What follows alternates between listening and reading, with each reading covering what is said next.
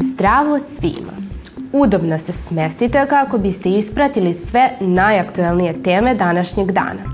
Današnju emisiju ćemo započeti s jednim citatom. Dečije igre nisu samo igre, nego ih treba smatrati ozbiljnom dečijom delatnošću. Tako je rekao francuski književnik Michel de Montaigne, a mislim da se svi možemo složiti sa njim. Počinje Dečiji TV dnevnik. Koji su to najčešći strahovi pred spavanjem? Danas se obeležava Međunarodni dan snežnog leoparda. Nepotrebne informacije pripremio je kolega Strahinja Radosavljić.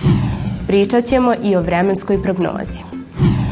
Od naših drugara smo čuli da postoje razni strahovi pred samog odlaska u krevet.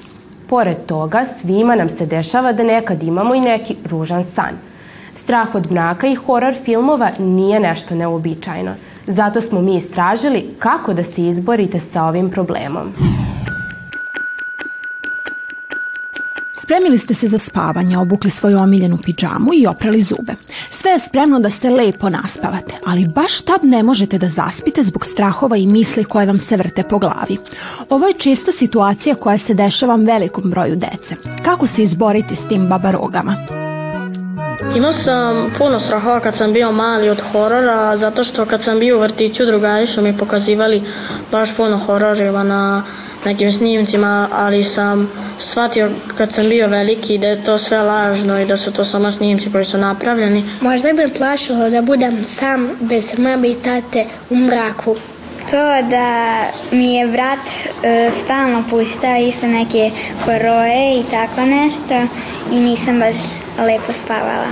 Tako što jednog dana sam znao da, da sam sa, velik sam bio i onda sam e, on, onda sam čuo da svi spavaju sami pa sam ja htela i, i, spa, i onda sam jednom probao i nije uopšte bilo strašno.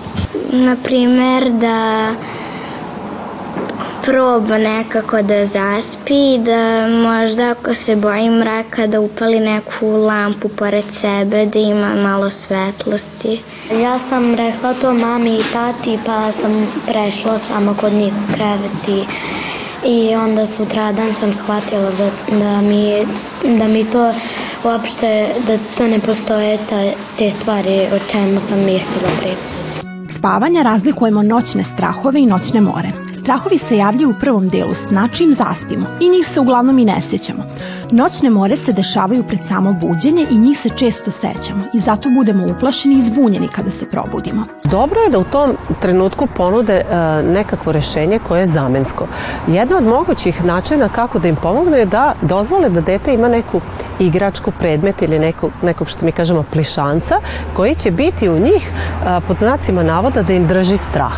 Na taj način u stvari im šaljemo poruku da su oni dovoljno samostalni i veliki, da će izdržati tu jednu neprijatnost ili nelagodnost i biti uz njih u prvo vreme dok se oni ne naviknu da a, recimo spavaju sami ili ta vrsta odvojenosti od roditelja kad kreće, a, dobro je da im se nekad nešto pročita jer i to deluje umirujuće za dete i u stvari samo prisustvo roditelja je za njih već znak da su oni na sigurnom mestu i da se osjećaju sigurno.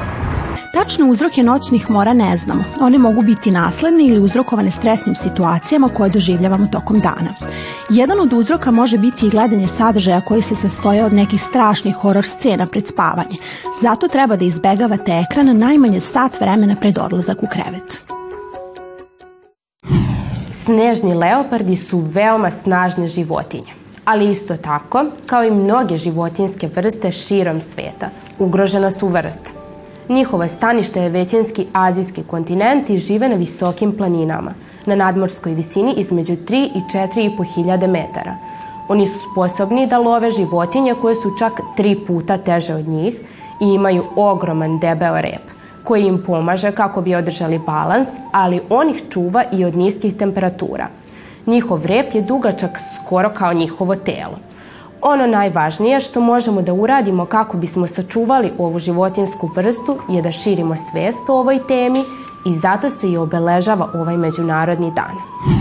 Naš kolega Strahinja Radosavkić samo gomila enciklopedije kako bi pripremio najnovije činjenice i informacije. Čula sam da je baš za današnji dan pripremio neke stvarno zanimljive, tako mi je rekao. pa da čujemo šta ima da nam saopšti.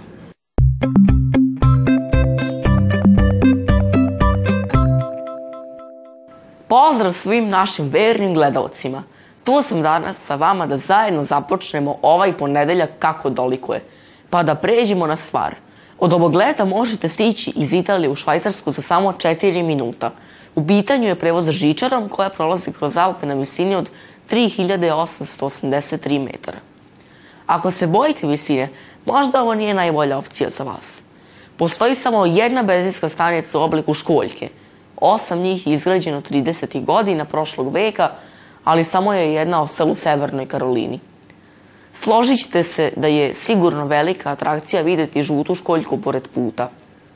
Naše telo su izgrađeno od soli, u prosečnom odraslom ljudskom telu postoji oko 200 grama soli. Ona nam pomaže da zadržimo vodu kako bi ostali zdravi i hidrirani. Ananas je nekad bio veoma luksuzan. Ako vam ova rečenica nije baš najjasnija, sad ću vam razjasniti sve nedoumice. Kada je ovo voće prvi put predstavljeno u Britaniji pre 200 godina, bili su toliko redki da su postali statusni simbol. Bogati ljudi su ih držali za ukras sve dok ne bi istrulili. Čak su gradili i kuću u obliku ananasa. Vidite da Sunđer Bob nije jedini koji živi u ananasu. A sada na red dolazi jedna nekima poznata činjenica, ali treba da je ponovimo za one koji ne znaju. Svako slovo u srpskoj azbuci se čita onako kako se piše. To pretpostavljam da znate, ali ovde je bitno da je to jako redko u svim svetskim jezicima. Baš iz tog razloga, jednom kad usavršite azbuku, lako možete da izgovorite svako slovo koje vidite i to bez da znate šta ta reč znači. Ljudsko telo sadrži elektricitet kako bi funkcionisalo. Nervi koje svi imamo koriste elektricitet kako bi sali poruke i signale mozgu. A srce koristi elektricitet kako bi kucalo. Složit ćete se da je to stvarno važno. Ljudi su jako dugo verovali da postoji čudovište iz Loch Nessa. Prvi dokazi o ovom čudovištu potiču još iz drevnih vremena. Na kamenju su pronađeni crteži opasnih zveri koji izlazi iz vode Loch Nessa ili su to samo možda neke slike nekih malih crva. Fizički je nemoguće polizati svoj lakat iz razloga zato što je naš gornji deo ruku previše dugačak kako bi ga jezik dohvatio. Probajte i uverite se sami. To bi bilo to za danas. Želim vam lep ostatak nedelje i doviđenja. Jesen nam je stigla i oblaci se gomilaju nad našim glavama. Zato naš tim kolega sprema tačnu i preciznu vremensku prognozu.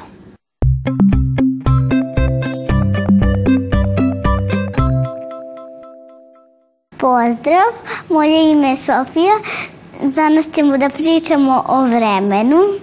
Vreme će sutra biti oblačno, ipak će biti i malo sunca, tako da, da ali opet nemojte da uzmete da, da, da ne uzmete vaše jaknice. Opet ih uzmite za svaki slučaj. Zato što ako možda, možda bude i hladnije malo.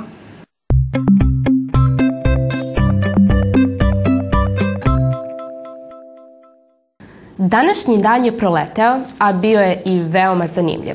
Sutra se vidimo u isto vreme i na istom mestu, ali možete nas pratiti i u repriznom terminu svakog radnog dana u 9.50 na prvom programu Radio Televizije Vojvodine. Srdačan pozdrav vam šaljemo do sutrašnjeg druženja. Ćao!